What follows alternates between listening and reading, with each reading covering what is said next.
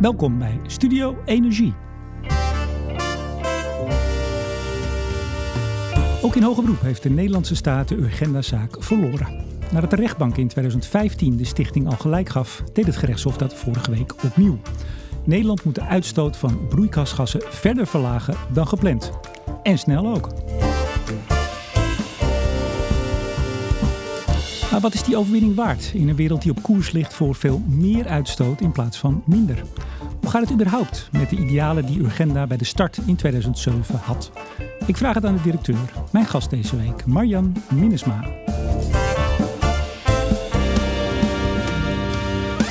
deze uitzending wordt weer mede mogelijk gemaakt door energieleverancier De Nutsgroep, Team Energie van Ploemadvocaten en Notarissen en netbeheerder Stedin. Mevrouw Minnesma, hartelijk welkom. Goedemiddag. Vorige week was de uitspraak in hoger beroep. Uh, u hebt gewonnen. Bent u al een beetje bijgekomen?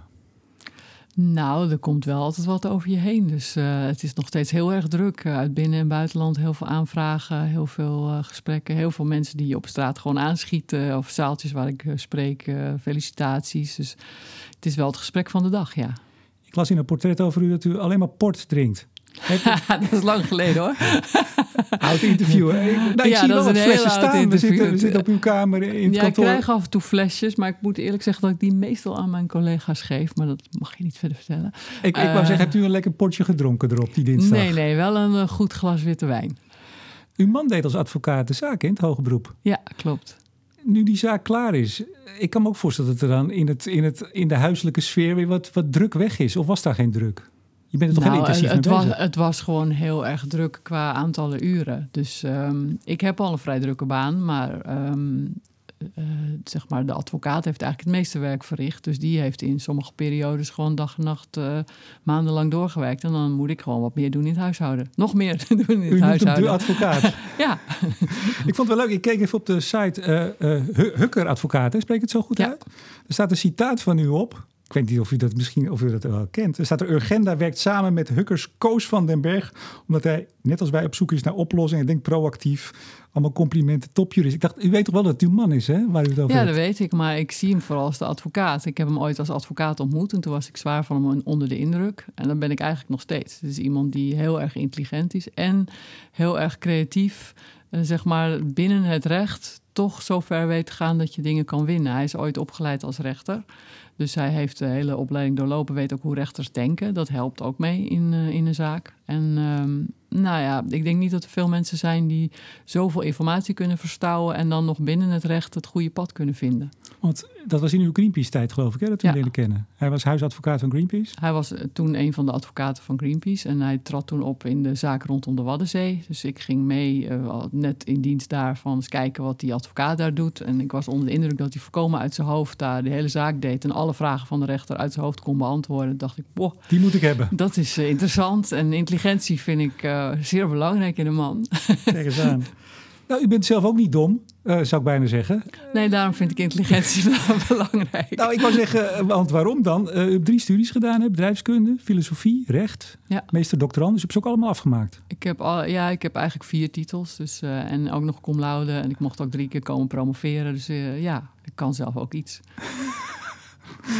Nou, het is maar even gezegd. Ja, Ehm, tot uw dertigste hebt u gestudeerd, hè? Ik, ik lees vaak dat u zo ontzettend gedreven bent en haast hebt. Heeft dat er misschien ook mee te maken? U bent best wel laat op de arbeidsmarkt gekomen. Mag ik dat zo Mm, zeggen? Nee, want ik was ook al vanaf mijn twintigste aan het werken. Dus ik ben zeg maar begonnen met bedrijfskunde studeren. En toen heb ik eh, drie jaar in twee jaar gedaan om het mezelf iets moeilijker te maken. Dus in, toen ben ik er een jaar tussenuit gegaan, heb ik gewerkt. Toen ben ik weer teruggekomen, heb ik dat MBA gedaan. Eh, maar ik deed dat parallel aan drie dagen in de week werken bij een consultancybureau. Want ik vond niet dat mijn ouders dat eh, nog hoefden te betalen. Want die hadden mijn eerste deel van mijn studie al betaald. En toen ik rechten en filosofie tegelijkertijd deed, werkte ik ook erbij. En mijn eerste fulltime baan, toen was ik nog bezig met afstuderen. Dus ik heb altijd veel dingen gecombineerd. Dus ik werk ook al heel lang. Van die port klopt het net niet, maar klopt het wel dat u heel weinig slaapt? Wat ik er ook in Nou, in die lees. tijd dronk ik het liefst nog port, omdat wijn in de meeste kroegen niet te drinken is. Dus dan ga je maar, en ik vind bier niet lekker, dus dan beland je eigenlijk bij de port. Ehm, maar inmiddels kan ik een goed glas wijn wel waarderen. En eh, sla- eh, slapen is eigenlijk alleen maar minder geworden. Want toen ik kinderen kreeg, dacht ik nog heel optimistisch van... nou, nu ga ik vast wel wat meer slapen. Maar dat is natuurlijk niet zo. Want dan ga je eigenlijk het moment dat je begint te werken, s'avonds wordt steeds later. Ja, dan zit ik meestal tussen tien en drie zit ik nog te werken. 2007, Stichting Urgenda, opgericht Ja. door u en Jan Rotmans. Ja. Inmiddels erevoorzitter. Niet meer echt actief hier binnen de poort. Nee, eigenlijk helemaal niet meer actief. Nee, ja, bij de hoogtepunten, dus tien jaar agenda. En als we iets leuks doen, dan nodigen we hem altijd uit. Maar hij doet zijn eigen dingen nu. Waarom bent u begonnen? Nou, ik was toen met Jan ehm, directeur van eh, DRIFT, het Instituut voor Transities aan de Erasmus Universiteit. En wij waren daar bezig met het opzetten van eigenlijk een heel nieuw vakgebied. Eh, transitiekunde, transitiemanagement bestond toen nog niet. Zowel Nederlands als internationaal. En wij hadden op een gegeven moment iets van 40 AIO's in dat netwerk rondlopen. En dus ook 40 boeken die dan eh, over de vloer komen en die ik allemaal heb gelezen. En ik dacht, ja, leuk, al die 40 boeken, dat lezen dan eens 10 mensen. Maar wat veranderen wij nou in de praktijk? Dus daar heb ik Jan toen op uitgedaagd. Zo van, nou, leuk Jan, al die eh, mooie nieuwe theorieën. Maar wat gebeurt er nou mee? We moeten Nou. wat concreets gaan doen.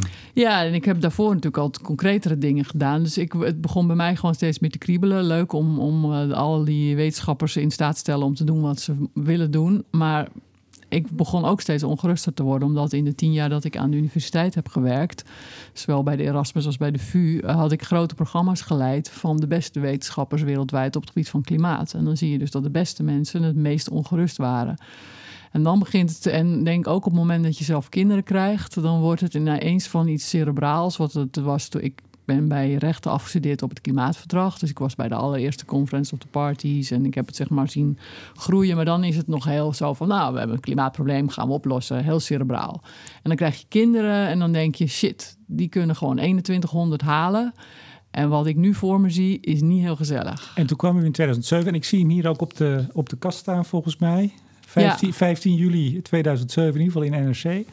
Eigenlijk de lancering. En nu komt een hele lijst wij van... organiseerden hier vlak achter op het NDSM-terrein een heel groot festival. Samen met de toenmalige zogenaamde BASIC-programma's. Dat was een, een hele grote subsidieregeling die vroeger was voor de fysieke infrastructuur. En op, in, dat, in die periode werd ook de wetenschappelijke infrastructuur daarmee eh, geholpen.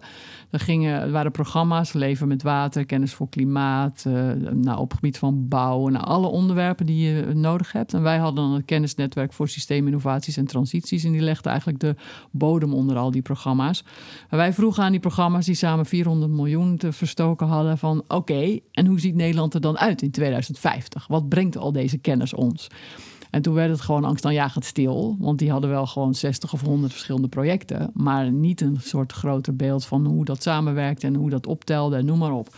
Dus toen hebben Jan en ik uh, door de oogharen naar al die projecten gekeken. die wij ook al die jaren hadden begeleid. Dus we kenden ze wel een beetje van, nou oké, wat denken wij nu dat 2050 zou kunnen brengen. En hoe kan je dat ook verbeelden? Dus toen hebben we met kunstenaars op dat uh, terrein uh, nou ja, de, de toekomst verbeeld. En daar uh, die urgente agenda dus uh, voor het voetlicht gebracht. En op dat moment uh, hadden we die naam nog niet. Dus vlak van tevoren moest ik een heel groot poster maken. Die tegen Jan gezegd, als je nou niet een naam verzint... dan noem ik het Bestek 2050. Dat vond hij zo erg, want bestek, dat is een heel hard woord. Daar houdt hij niet van. Dus toen kreeg ik hem s'avonds later aan de lijn. Had hij net, weet ik veel, in bad of onder de douche... had hij bedacht, agenda. We gaan een urgente agenda maken. Dus aanvankelijk was het helemaal geen organisatie. En er kwam dus inderdaad een verhaal op die, dat festival uit. En dat kwam op de voorpagina van de Opinie en Debat en van de NRC. Nog in het grote formaat. Kregen we ook nog een boekenbon van 25 euro. Wat een leuk cadeautje was. Maar dat bracht in ieder geval dat duizenden mensen reageerden op dat stuk. Zo van, uh, mooi verhaal, maar ga je ook iets doen dan nu? Ja. En toen hebben we dus van de urgente agenda de stichting Agenda gemaakt. En toen is begin 2008 het echt als een stichting gaan, gaan draaien.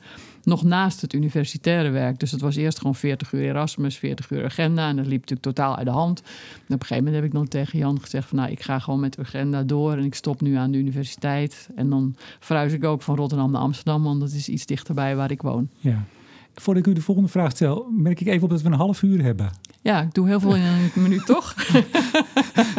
nou, wellicht wat veel. Misschien, ik weet het niet. Ik weet niet hoe van alles toekomt. Ik heb een aantal dingen die ik u nog wil vragen. Okay, dus, nou, het, dus misschien kunnen we er ietsje sneller doorheen. Iets korter, is goed. Ja, wellicht.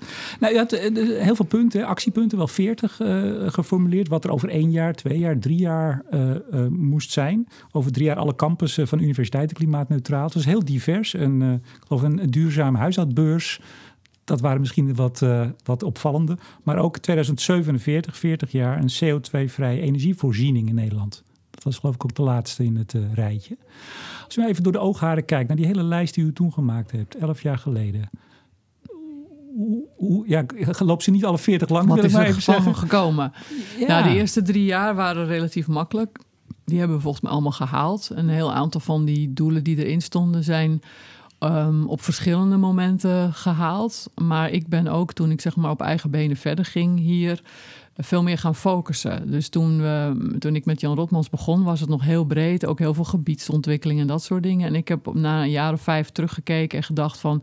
gaan we nou eigenlijk hard genoeg? Nee, absoluut niet. Dus heel veel van die doelen... Maar toch even, u zegt drie jaar alle campus klimaatneutraal. Vijf icoonprojecten met landelijke uitstraling gestart na twee jaar. Dat is toch helemaal niet gelukt? Ja, wij hadden icoonproject. Dus Tessel was ons icoonproject. We hadden een heel aantal icoonprojecten. En die campussen dan ook? Maar, nou, die, die zijn dus later gekomen. Maar je ziet nu dat alle universiteiten zijn bezig met duurzame campus. Dus wij zijn toen begonnen met dat aanjagen. Maar een heleboel zijn niet op het tijdstip gerealiseerd ah. dat wij het hebben gezegd. Maar dan wel een aantal jaren later.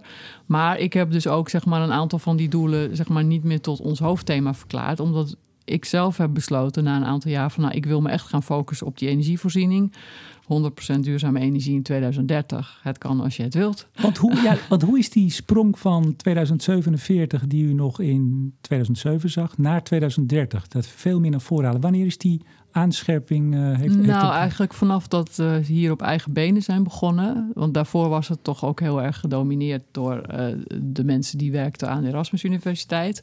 En toen ik hier begon, um, ben ik opnieuw gewoon gaan kijken van nou, wat hebben we nou eigenlijk aan staan aan doelen? Wat wil je nou echt bereiken? Ik heb ge, um, geformuleerd ik wilde niet groter groeien dan een man of 15. Dus elke keer als het dreigt uit te dijen, dan duw ik hem weer terug. Ik wil geen laagjes, ik wil geen notulen, ik wil geen plannen. Hoeveel zitten er nu?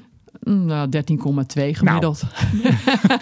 Net binnen de, binnen de marge. Ja, dus we, elke keer dijt het uit met events. Dus zo met die LV-getochten afgelopen jaar, dan was het meer en dan gaat het nu weer terug. Dus op het moment dat je besluit dat je niet extreem groot wil worden, moet je focussen. En ik werk zelf al nu inmiddels een jaar of dertig in dat hele energieveld. Dus dat is waar ik het meeste van af weet.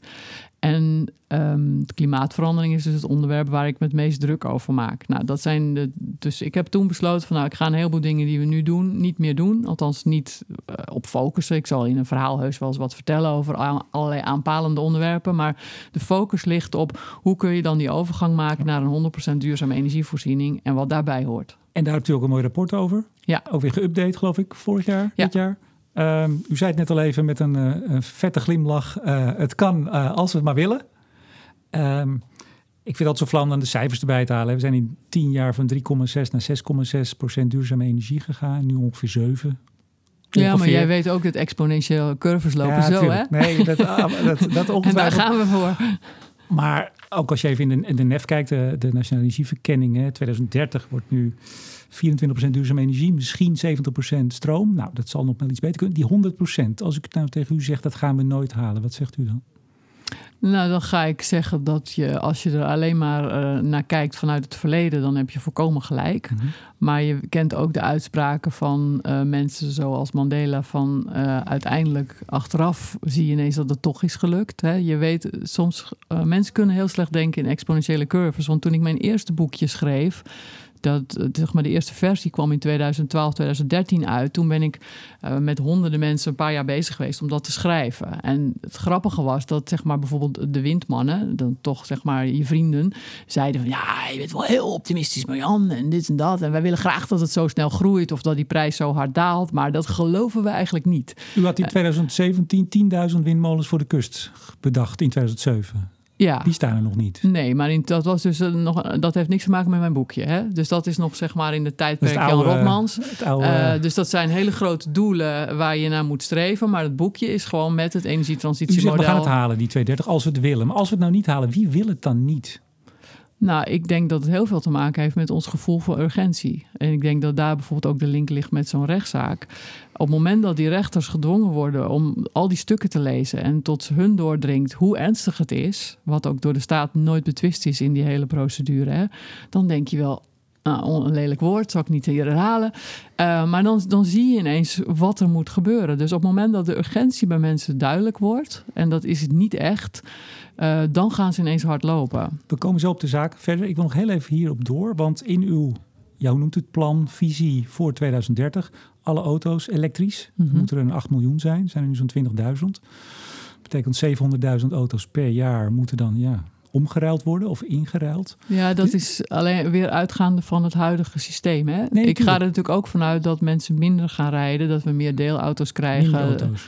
Ja, want dat is wel de verwachting dat de jeugd meer naar een snapcar trekt dan naar allemaal een eigen auto hebben. Dus je gaat ook naar minder auto's. Ik doe al mee, Green Wheels, af en toe. Nee, jij bent super. Kijk, duimpje omhoog. en je ziet dat ook, hè? De, dus de curve van het aantal deelauto's is ook al exponentieel. De hoeveelheid mensen dat snapcar gebruiken in de steden. Ik wil, ik wil hier niet de, de zwartgalgige uit gaan hangen. Dat, dat ben ik wel, denk ik, hier in deze je, omgeving. Maar dat verwacht ik ook. Nee, maar zelfs, nou ja, kijk, het, het gaat er natuurlijk om. Um, exponentieel zeker aanjagen, heel goed. Maar kan het ook niet zo zijn op een gegeven moment dat als het echt niet in zicht is, want van die 7% nu in 12 jaar naar 100%, en er zitten ook wat fysieke beperkingen bij, um, dat mensen misschien wel een beetje gedesillusioneerd raken dat het zo langzaam gaat? Nou ja, ik zou het gewoon blijven volhouden zolang het nog kan. En het maakt mij niet uit als het uiteindelijk 2032 wordt. Um, ik denk wel dat het veel sneller gaat dan iedereen denkt. Want ik zie op een aantal vlakken, wat ik net was halverwege mijn verhaal over die windmannen, dat die nu vijf jaar later kom ik bij ze terug. Hè, van ik maak een nieuw boekje en ik wil eigenlijk nog iets meer wind, want ik wil ook de biomassa in de industrie eruit duwen. En dat ze dan allemaal zeggen: ja, we hadden het niet verwacht. Je hebt gewoon volkomen gelijk gehad. Het ging veel sneller, de prijzen zijn veel harder gedaald. En wij denken nu dat wat jij wilt wel degelijk kan. Dat was ook met de mensen in de mobiliteitssector. Ik wilde vijf jaar geleden al dat het zwaardere vervoer ook elektrisch kon. Het was het verhaal bij de meeste experts van nee, dat moet bio-LNG als je het duurzaam wil. Kan echt niet elektrisch. Nu, vijf jaar later, iedereen om. Vrachtwagens, tractoren, alles wordt, kan gewoon elektrisch worden. Kun je nog zeggen waterstof elektrisch of batterij elektrisch? zijn twee verschillende. Maar, maar wel kunnen en ook gebeuren. Daar nee, zit maar dat het in groot... vijf jaar al om is van dat alle experts ja. zeggen nee, geen sprake van, naar ja, het wordt elektrisch, vind ik al een enorme op opslag. En als je dan naar de mannen van Fastnet gaat en je vraagt hen van oké, okay, je hebt snelladers, maar wat nou als ik een vrachtwagen heb, hoe zie je dat dan? Dan zien die ook dat in de komende vijf jaar die ontwikkelingen zo hard gaat dat dat wel degelijk ook gaat gebeuren. Maar dan stond u vorige week in Pakhuis de Zwijger en uh, ik was er zelf niet bij helaas, maar ik zag op Twitter dat u had gezegd uh, Vera Dam uh, schreef dat van uh, Milieu Centraal. Dat u zei, ja, we moeten een beetje oppassen met bijvoorbeeld als we huizen van gas af. Hè, dat moet dan ook in, in die 12, 13 jaar gebeuren.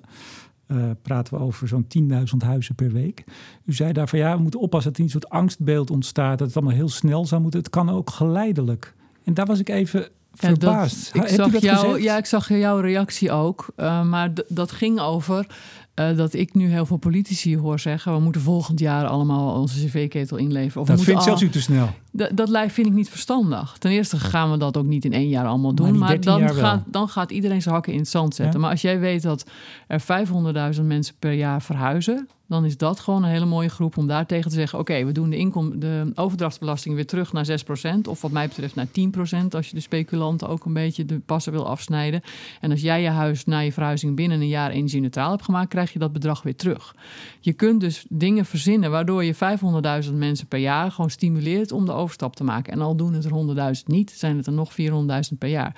Iedereen bij wie de cv-ketel kapot gaat, geeft ze een wissel-cv-ketel... zodat ze even een halfjaartje kunnen nadenken... hoe moet ik naar een warmtepomp? Help die financiering en help die mensen naar een warmtepomp. Dus kies de natuurlijke momenten. U zegt, wordt het geen 230, dan wordt het misschien 235 of 240. Maar in ieder geval nee, 232. 15 jaar vind ik een mooie Ja, u bent altijd die 15, getal, hè? Dat ja. kwam ook omdat u in 2015 het dat rapport kwam ook omdat 230 ik eerder ben komt begonnen. allemaal mooi uit. Ja, nee, Ja. maar ik ben in 2012 natuurlijk begonnen. En, en dan heb je nog ruim 15 jaar. En inmiddels wordt dat steeds krapper. Maar Nou, nou zag ik ook een, een tweetje van de gemeente Noordenveld. Daar was u gisteren, hè? Daar sprak u. En ik, ik moet maar even zeggen of het klopt hoor. Ze schrijven dat u daar zei... eh, als we in heel Nederland negen windmolens in elke gemeente plaatsen... en negen zonnepanelen per inwoner van Nederland...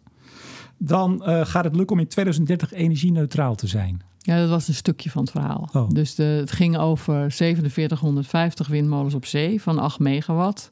Het ging over uh, hoeveelheid windmolens op land van, twee, eh, van 3 à 4 megawatt. En als je dat omrekent naar gemeente, is het 9 in, in windmolens per gemeente. Dus ik heb daar gezegd: zoek je lelijkste stukje snelweg of industrieterrein, zet twee rijtjes van 5 neer, doe jij jouw ding. Helder. Maar als Amsterdammer 200 neerzet, dan kan Tesla 0 doen. Precies, gemiddeld. Nee, maar even, en anderhalf keer Tesla aan zonnepanelen. En dat komt neer op 9 eh, per, per persoon. Maar, maar wat ik net even voorlas. Plus aardwarmte, plus. Dus er zat nog wat meer bij. Dit ging over wat je als burger in je gemeente. Dus ik, ik, dit was een stukje natuurlijk uit de context gehaald. Dat, dat, de, tele, dat de Telegraaf zegt, je hebt 127.000 windmolens op land nodig. Nou, dat is onzin. Nee, maar als ik toch even mag. Uh, wat ik net zei, die uh, negen zonnepanelen en die negen windmolens per gemeente.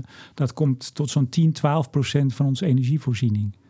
Als je dit omrekent. Nee, wat ik u net zei, dat is die ja, 10 tot 12 procent. En, maar die, die andere 90 procent haalt u dan uit geothermie en Plus 4750 windmolens op zee van 8 megawatt. Plus aardwarmte, plus uh, op de goede momenten het omzetten in uh, andere producten. Of dat nou ammoniak moet worden of waterstof, dat kunnen we en dat dan weer gebruiken als er te weinig is.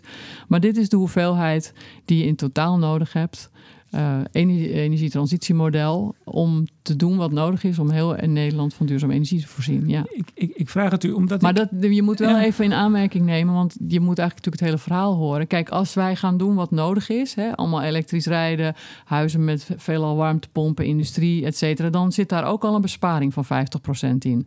Want een warmtepomp met een COP van 3, 4 is gewoon efficiënter. Want een, um, een elektrische auto zet bijna al zijn elektriciteit om in beweging en niet zoals een uh, klassieke auto voor een deel in warmte. Een kolencentrale verliest 40% aan warmte, een windmolen niet. Dus als je het totale systeem doorrekent, eh, zeg maar naar joule, dan heb je de helft nodig van de energie die je nu nodig hebt. Dat zit in die overgang. En wat je dan nog nodig hebt, is die 4750 windmolens op zee, plus 9 windmolens per gemeente op land, plus anderhalf keer Tesla aan zonnepanelen, plus aardwarmte, plus nog een aantal andere kleine dingen. Ik zeg even voor de luisteraars, als ze wat getikkel horen, u, u zet uw, uw woorden bij met op tafel tikken. Dat is prima, maar dan weten ze het even.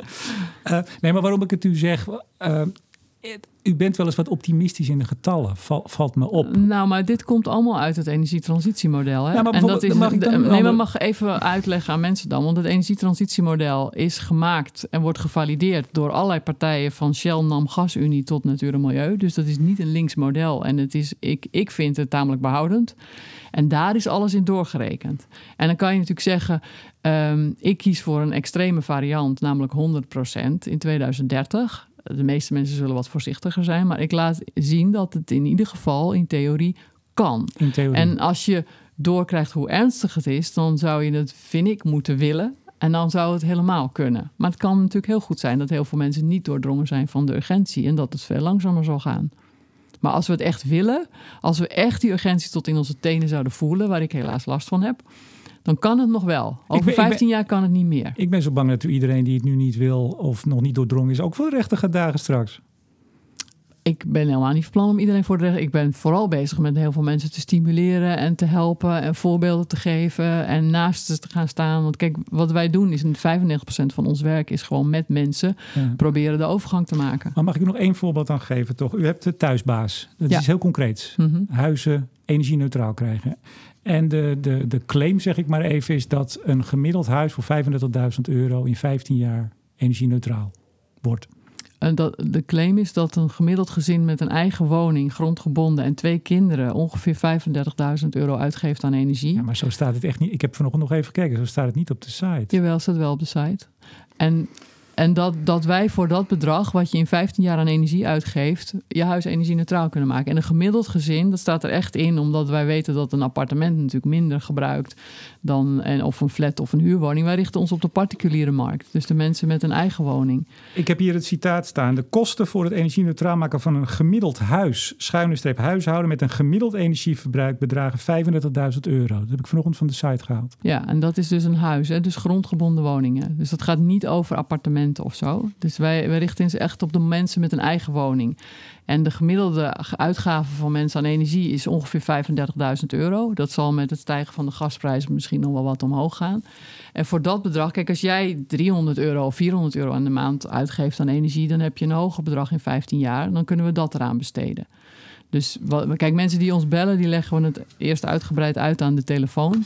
Hoe dat ongeveer zit. En dan kunnen ze natuurlijk de keuze maken of ze daarmee verder willen of niet. Maar 35.000 is 2300 euro per jaar. Milieu Centraal zegt 1750 euro een gemiddeld huishouden in Nederland. Ja, daarom, wij hebben het dus niet over gemiddelde huishoudens, maar over huizen. Dus mensen met een eigen grondgebonden woning. huishouden.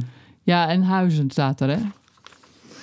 Ja, als je, als, je, nee, als je wat verder kijkt op, want we hebben dit een paar keer aangepast op de website, omdat mensen zoals jij inderdaad slakken op die slakken zout hebben gelegd. Dus er staat echt eh, dat het over grondgebonden woningen gaat. Nou, vindt u het nou echt slakken zout leggen? Want de, nou, de, we willen gewoon heel duidelijk zijn. Maar wij, wij helpen mensen met een eigen woning. En in Amsterdam doen we ook gasvrij maken. Hè? Dus dan als je daar in Amsterdam een, een, woning hebt en je wilt alleen maar gasvrij maken, dan kan dat voor veel minder. Die gaan voor 12.000 al van het gas af. Maar als je een eigen woning hebt en je hebt nu nog gas en elektriciteit, dan geef je gemiddeld 35.000 uit. Van het gas af is toch niet hetzelfde als energie-neutraal? Nee, nee. Dus daarom zeg ik, we hebben nu twee opties. Dus we hebben zeg maar mensen met een eigen woning, die maken we energie-neutraal, als ze dat willen. En mensen in Amsterdam met een appartement, dus dat is een andere categorie, die helpen we eventueel ook van het gas af. Want dan heb je te weinig ruimte op je dak om alles zelf op te kunnen wekken. Dus dan kun je niet energie-neutraal worden. Op zijn hoogst klimaatneutraal, want dan ga je op een andere plek bijvoorbeeld winddelen kopen of zonnedelen of dat soort dingen. Dus we, we leggen het uitgebreid uit aan mensen dat het afhankelijk is van de hoeveelheid oppervlakte op je eigen dak of we je energie-neutraal kunnen maken. Want dat kan alleen maar als je zeg maar 20 panelen gemiddeld op je dak kunt hebben. En dat kan niet iedereen. Nou, je hebt dat dus aangepast. Want wij hebben in 2016 eens contact daarover gehad. En toen was het in ieder geval... Wij waren in het begin veel uh, roomser dan de paus. Dus toen deden we echt alleen maar mensen die uh, energie-neutraal konden worden. En helemaal doorgerekend, et cetera. We hebben inmiddels zoveel mensen die zeggen van... ja, ik kan maar 15 panelen, maar ik wil toch van het gas af en zoveel mogelijk. Nou, dan helpen we die nu ook. En dan doen die mensen het laatste stukje winddelen. En dan ben je technisch gesproken klimaatneutraal. De rechtszaak? Ja. Althans de uitspraak. Uh, ik zag in HP de Tijd noemde nu het feit dat de staat de trias politica uh, naar voren had gebracht als argument. scheiding der machten en dat de staat vond dat de rechter hier op de stoel van de wetgever of van de politiek ging zitten. Um, dat vond u immoreel, las ik. Waarom vond u dat immoreel, vindt u dat immoreel? Nou, dat kan ik me niet herinneren dat ik dat immoreel... Ik heb, ik heb wel gezegd dat ik vind dat, als, dat wij niet genoeg doen als maatschappij. Dat vind ik immoreel ten opzichte van volgende generaties. Maar de trio's en immoreel, daar heb ik geen Citaat herinnering. Het is nee. de tijd deze week, vorige week. Nee, dat kan ik me... Okay. Zeg mij niet immoreel, het feit dat ze het gebruikt hebben ik, om...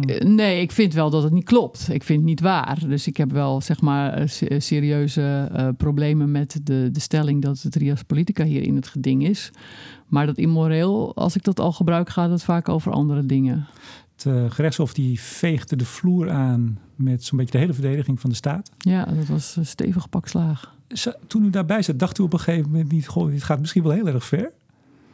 Nou, ik dat bleef niet zo overeind. Nee, nou, ik wist het echt niet voor wat we begonnen. Dus dat was voor mij 50-50.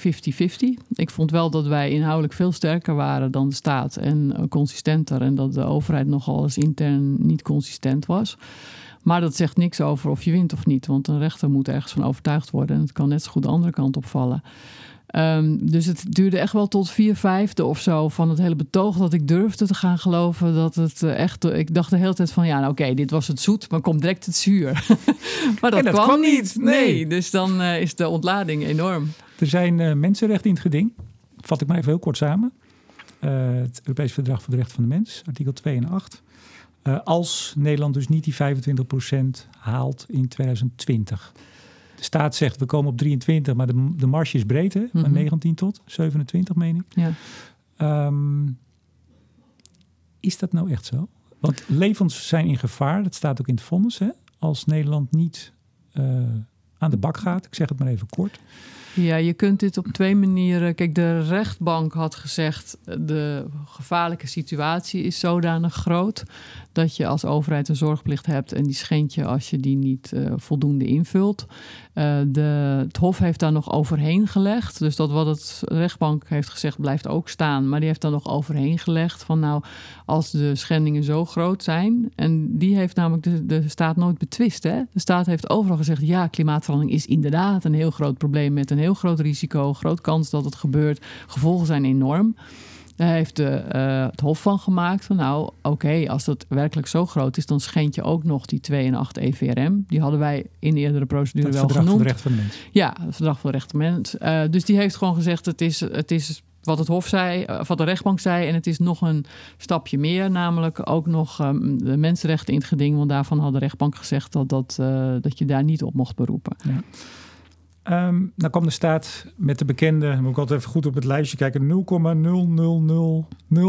Volgens mij zit ik er nog een nul naast, maar veel nullen na de komma als effect, als er niet zou worden nageleefd zeg maar, aan het vonnis, in 2100 op de wereldwijde eh, temperatuurstijging. Dat is ook allemaal van tafel geveegd, hè? Ja, dan, ik denk ook dat dit getal niet klopt. Wat eh, de Kijk, rechter wel... nog even, kijk even op het boekje 0,000045. Zo heeft de landsadvocaat het Eh, ingebracht. Nou, weet je wa- wa- eh, wat er is gebeurd? Is wij waren een van de oprichters van het Klimaatverdrag in het begin jaren 90. Toen waren wij nog heel progressief. En er zijn ongeveer 200 landen in de wereld. Dus als ieder land eh, evenveel zou moeten doen, dan moet ieder land een half procent van het probleem oplossen. Nou, wij, eh, jij had in een eerder stuk van jezelf 0,4 gezegd dat wij dat deden of zo. Nou, Nederland is goed voor ongeveer 0,4 van de wereldwijde uitstoot. ja, dus als wij als klein landje net iets onder de 0,5 zitten en Amerika zit er net iets boven, nou, dan heb je een beetje het idee. Maar wij moeten dus ook alleen maar ons eigen stukje doen. En ehm, in absolute zin zitten wij in de top 25 van de uitstoters. In relatief per hoofd van de bevolking zelfs in de top 10. Omdat we zo'n heel productief Omdat wij zo'n fossiel landje Ja. zijn. En, en veel productjes en op- maken en veel opzet maken. ja, en op ons oppervlak enorm veel eh, uitstoten. Ja.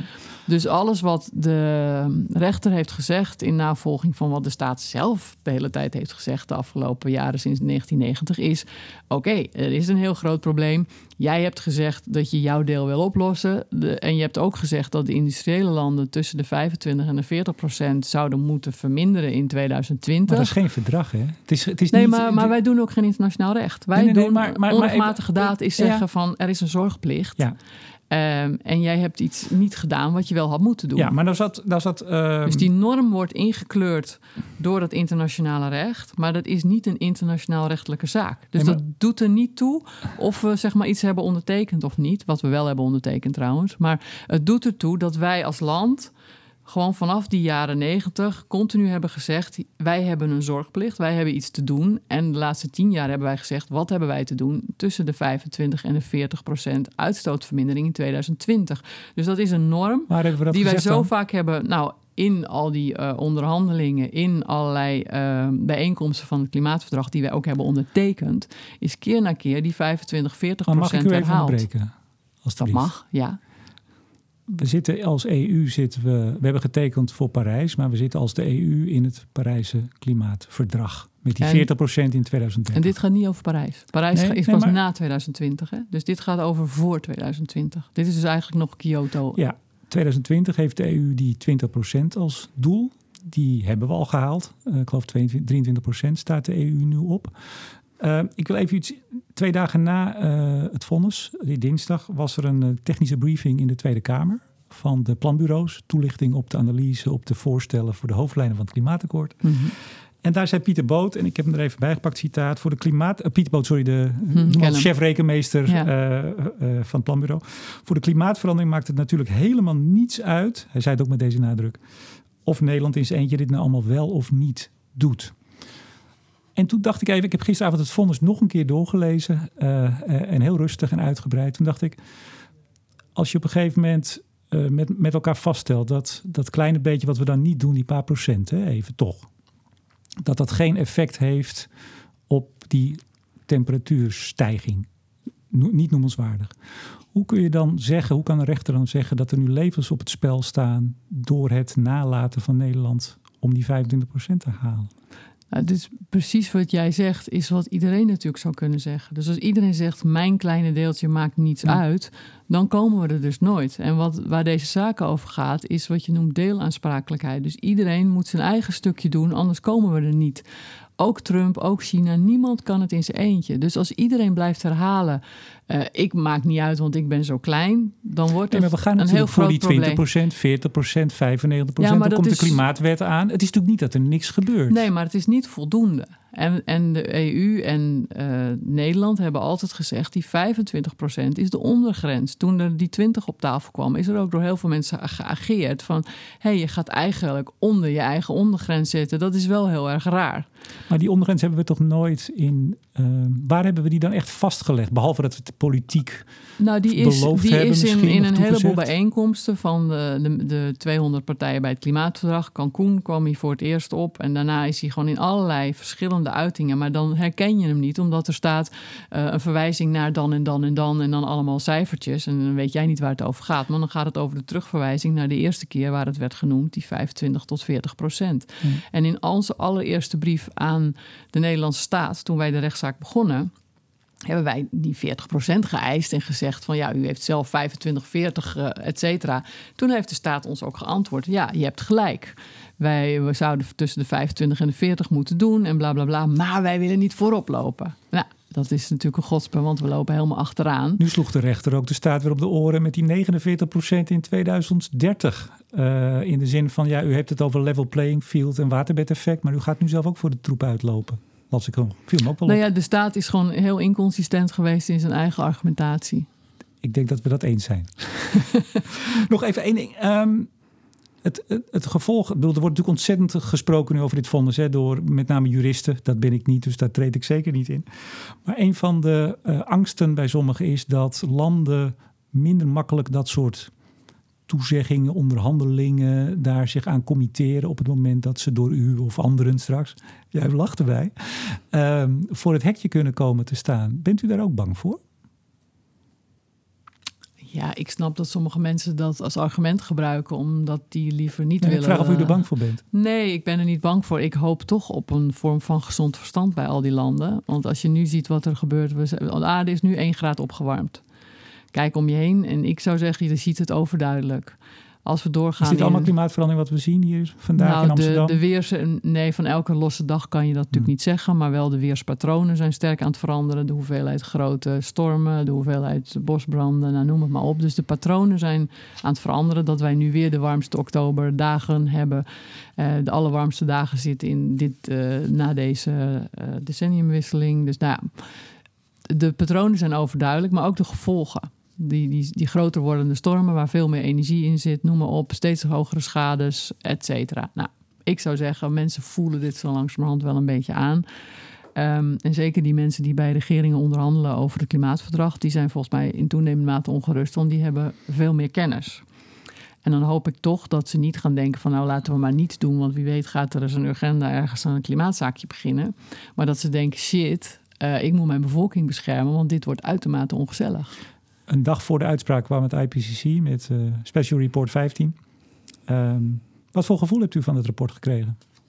Nou ja, weet je, zo'n rapport is gebaseerd op de duizenden rapporten die er de afgelopen tien jaar zijn um, geproduceerd. En die meeste, Ja, die meeste van die rapporten hadden wij gezien, gelezen, gebruikt in de rechtszaak. Dus er stond niet heel veel nieuws in. Maar het werd natuurlijk wel op een manier gebracht dat dan alles even samenkomt. En dan is het toch een indrukwekkend verhaal waar je niet blij van wordt. Want uh, los van of Nederland nou, nou ja, de, rechter zegt dat Nederland in gebreken blijft, uh, om het maar simpel te zeggen.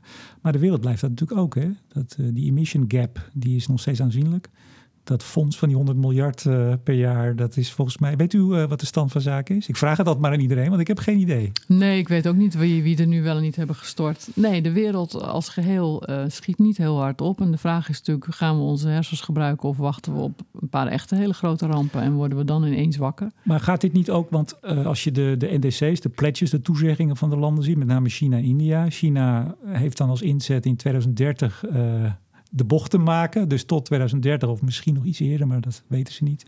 Nog steeds meer uitstoten. India gaat enorm groeien in uitstoot, in, in letterlijke uitstoot. Ehm, is dat niet waar de echte pijn zit? Meer dan die, uh, zeg ik het toch weer even, 0,4 procent. Nee, we moeten allemaal ons best doen. Ik weet het, maar toch nou, even. de pijn, waar zit die? Nou, tegelijkertijd zijn die landen ook de grootste groeiers op duurzame energie. Dus uh, zij groeien veel harder dan wij. Ehm, als je ziet, hoe- kijk, daar is het natuurlijk makkelijk als je zegt hier moet een windpark komen, dan staat hij er twee Het jaar gaat toch om later. de uitstoot uiteindelijk. Als die toe Jawel, blijft nemen, dan dus- wat... Maar ik, je ziet dus twee tegengestelde bewegingen. En ehm, in zoveel 60 landen is op dit moment duurzame energie goedkoper dan fossiele energie. Dus op het moment dat dat op meer, steeds meer plekken wordt, gaat de markt ook helpen bij de draai. Maar dat snap ik niet, want u... eh, ik heb heel veel over u gelezen, nogmaals even ook voor dit gesprek. U hebt haast, we moeten sneller, 25 tot 40 procent. Hè, het moet echt veel sneller. Dan hebben we toch als wereld, als China een kwart van de uitstoot doet... dan hebben we toch helemaal niet de tijd dat zij pas in 2030 een keer door de bocht gaan... en minder gaan uitstoten. Oh nee, je zal mij niet horen zeggen dat ik vind dat ze nog lekker zegt- moeten nee, maar blijven dat, dat is een veel gehoord, tijd. Dat is ook een heel veel gehoord punt. Van ja, maar ze zijn toch van die leuke zonnepanelen aan het neerleggen en windparken. Maar als die uitstoot maar zeer fors blijft stijgen. Ik vind u daar een beetje bijna laconiek onder, als ik het zeggen mag. Nou, ik denk eh, en weet van mensen die daar werken dat daar de bocht volgens mij sneller genomen gaat worden. En dat eh, door mede door luchtverontreiniging zijn die Chinezen nu heel hard aan het kijken naar allerlei andere oplossingen. Want geen expert wil daar meer werken. En als je dan ook weet dat de markt voor, voor zon en wind gewoon direct goedkoper is dan de markt voor eh, fossiel, dan denk ik dat dat mee gaat helpen. En dan hoop ik natuurlijk ook dat we gewoon gaan beginnen aan een CO2-prijs. Dus dat een aantal factoren gaat zorgen voor veel meer versnelling dan de, de staatjes die jij nu leest, gaan vaak uit van een bepaalde lineaire beweging. Nee, ik lees het in de, in de, En- de documenten van China en India die ze zelf hebben ingediend voor het Parijsakkoord. Ja, en dat zijn- Het zijn niet staatjes van... Nee, maar dat zijn lineaire bewegingen. Dat is niet zeg maar schoksgewijs van oh jee, er gaat nu wat gebeuren of we zijn het toch met z'n Maar allen eens geworden over als we nou zien dat heel veel CO2-prijs. landen uiteindelijk niet doen wat ze beloven, dus hun belofte al niet halen, dan is het toch wel heel moeilijk om te zeggen, ja, China belooft dit, maar ze, ze zullen er ver overheen gaan. Dat is eigenlijk wat u zegt. Je, je hoort mij niet praten. Ik voer geen campagne in China. Hè? Ik vind dat je eerst je eigen achtertuin op orde moet Nee, dat brengen. is helder, maar Dus- ik vraag u even. U, u- Ik, ga de, ik denk zelf niet dat het zo eh, zal gaan als wat jij nu omschrijft. Ik nee, als denk, wat de Chinese en de Indiase bevolking zelf zegt, ja, dus wat jij nu benoemt, ik denk dat het dus niet zeg maar zo gaat met fossiel, maar dat uiteindelijk er een kruising komt en dat eh, zon en wind en nog een aantal andere duurzame bronnen het gaan overnemen. Er kunnen verschillende redenen zijn waarom de Chinezen dit nu niet willen opschrijven. Eh, maar dan kom je gewoon Ah, in, in allerlei. Kijk, nu komen we in de... Eh, ja, en, en dat is een heel ander gesprek. Ja, goed, Dus maar ik dat, denk daar niet kunnen we dat- dan ook, kijk, ik- we het niet over te hebben Ik dan, want dan focus me op niet... Nederland. Dus laten we het daarover hebben. Want ik vind eigenlijk dat je je eigen achtertuin eerst op orde moet hebben. Ik kan nu wel campagne gevoerd in China en India. Maar als wij het gewoon hier zo slecht doen. En op eh, 6% duurzaam zitten. En tot de grootste uitstoter van de wereld. En per capita doen wij het nog steeds slechter dan de Chinezen. En zeker cumulatief. Wat ga ik dan daar tegen mensen zeggen? Ja, jullie moeten eventjes gaan veranderen. Ja, wij zijn niet bereid om ons te veranderen. Maar het is makkelijker voor mij om hier campagne te voeren. Ik, Ik- vind ik- dat een beetje flauw. Oh, ik, ik had nog een vraag wereldwijd voor u, maar ik ga hem toch even stellen als u niet wil beantwoorden. Nee, het IPCC die heeft vier, vier hoofdscenario's. Hè? En in, in drie daarvan eh, nou, zit sowieso veel renewable, her- hernieuwbare energie in. Maar in drie daarvan zit heel veel CCS. Eh, eigenlijk de enige optie is als we minder energie nodig hebben in 2050 dan eh, op dit moment. Alle vier zit veel kernenergie. Ehm, PBL heeft eind vorig jaar al eens een keer rapport uitgebracht, ook voor Nederland dat als je echt meters wil maken, heb je van de drie kernenergie, biomassa en CCS in ieder geval twee daarvan hard nodig. Hoe staat u daarin? Welke wilt u hebben? Welke wilt u niet? Nou, weet je, al deze oplossingen staan of vallen met het scenario wat je kiest. Eh, in de IPCC en wat alle landen nu volgen, gaan we uit van we blijven uitstoten tot 2050. Dan moet je daarna allerlei vormen van negatieve emissies gaan bewerkstelligen. Anders dan kom je niet meer terug. Want je hebt tegen die tijd al zoveel uitgestoten dat drie graden niet meer te Daarvan het vermijden is. gerechtshof ook tegen de staat hè, om een andere, een andere route te volgen. Dat is allemaal zeer speculatief. Gaat dat wel lukken? Beter maar vroeg nu aan de slag. Ja, dus wat wij in de rechtszaak doen is ook iets anders dan wat Urgenda in de rest van zijn eh, leven doet. In die rechtszaak hebben we geëist wat wij dachten dat haalbaar is. Maar eigenlijk vinden wij dat het veel sneller moet. Hè. Want als je zegt 100% duurzame energie, oftewel nul stoot, uitstoot in 2030, dat is wat anders dan 25% vermindering in 2020. Dus de rechtszaak is wat wij juridisch haalbaar achten. Wat ik denk dat nodig is om onder de anderhalve graad te blijven, is 100% duurzame energie in 2030. Als je dat scenario kiest wat in ons boekje staat, dan heb je die negatieve emissies niet nodig. Kun je het in principe ook zonder die andere bronnen die jij net noemde.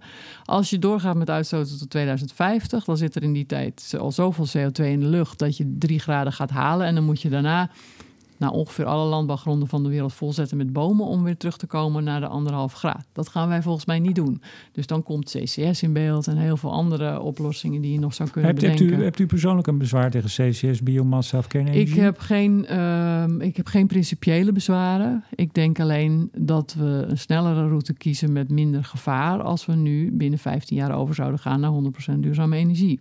Als dat ik lukt. Vind, ja, nou, dat elke keer de premisse. Als we, hè, als we het willen. Als we het willen, dat hebben we vastgesteld. Ik heb, we lopen ontzettend uit de tijd, maar ik, ik heb toch nog even... Um, uh, gisteren, uh, er gebeurt zoveel hè, iedere dag, uh, in Den Haag... het Global Commission on Adaptation -hmm. gelanceerd met veel fanfare. Hoe staat u in adaptatie?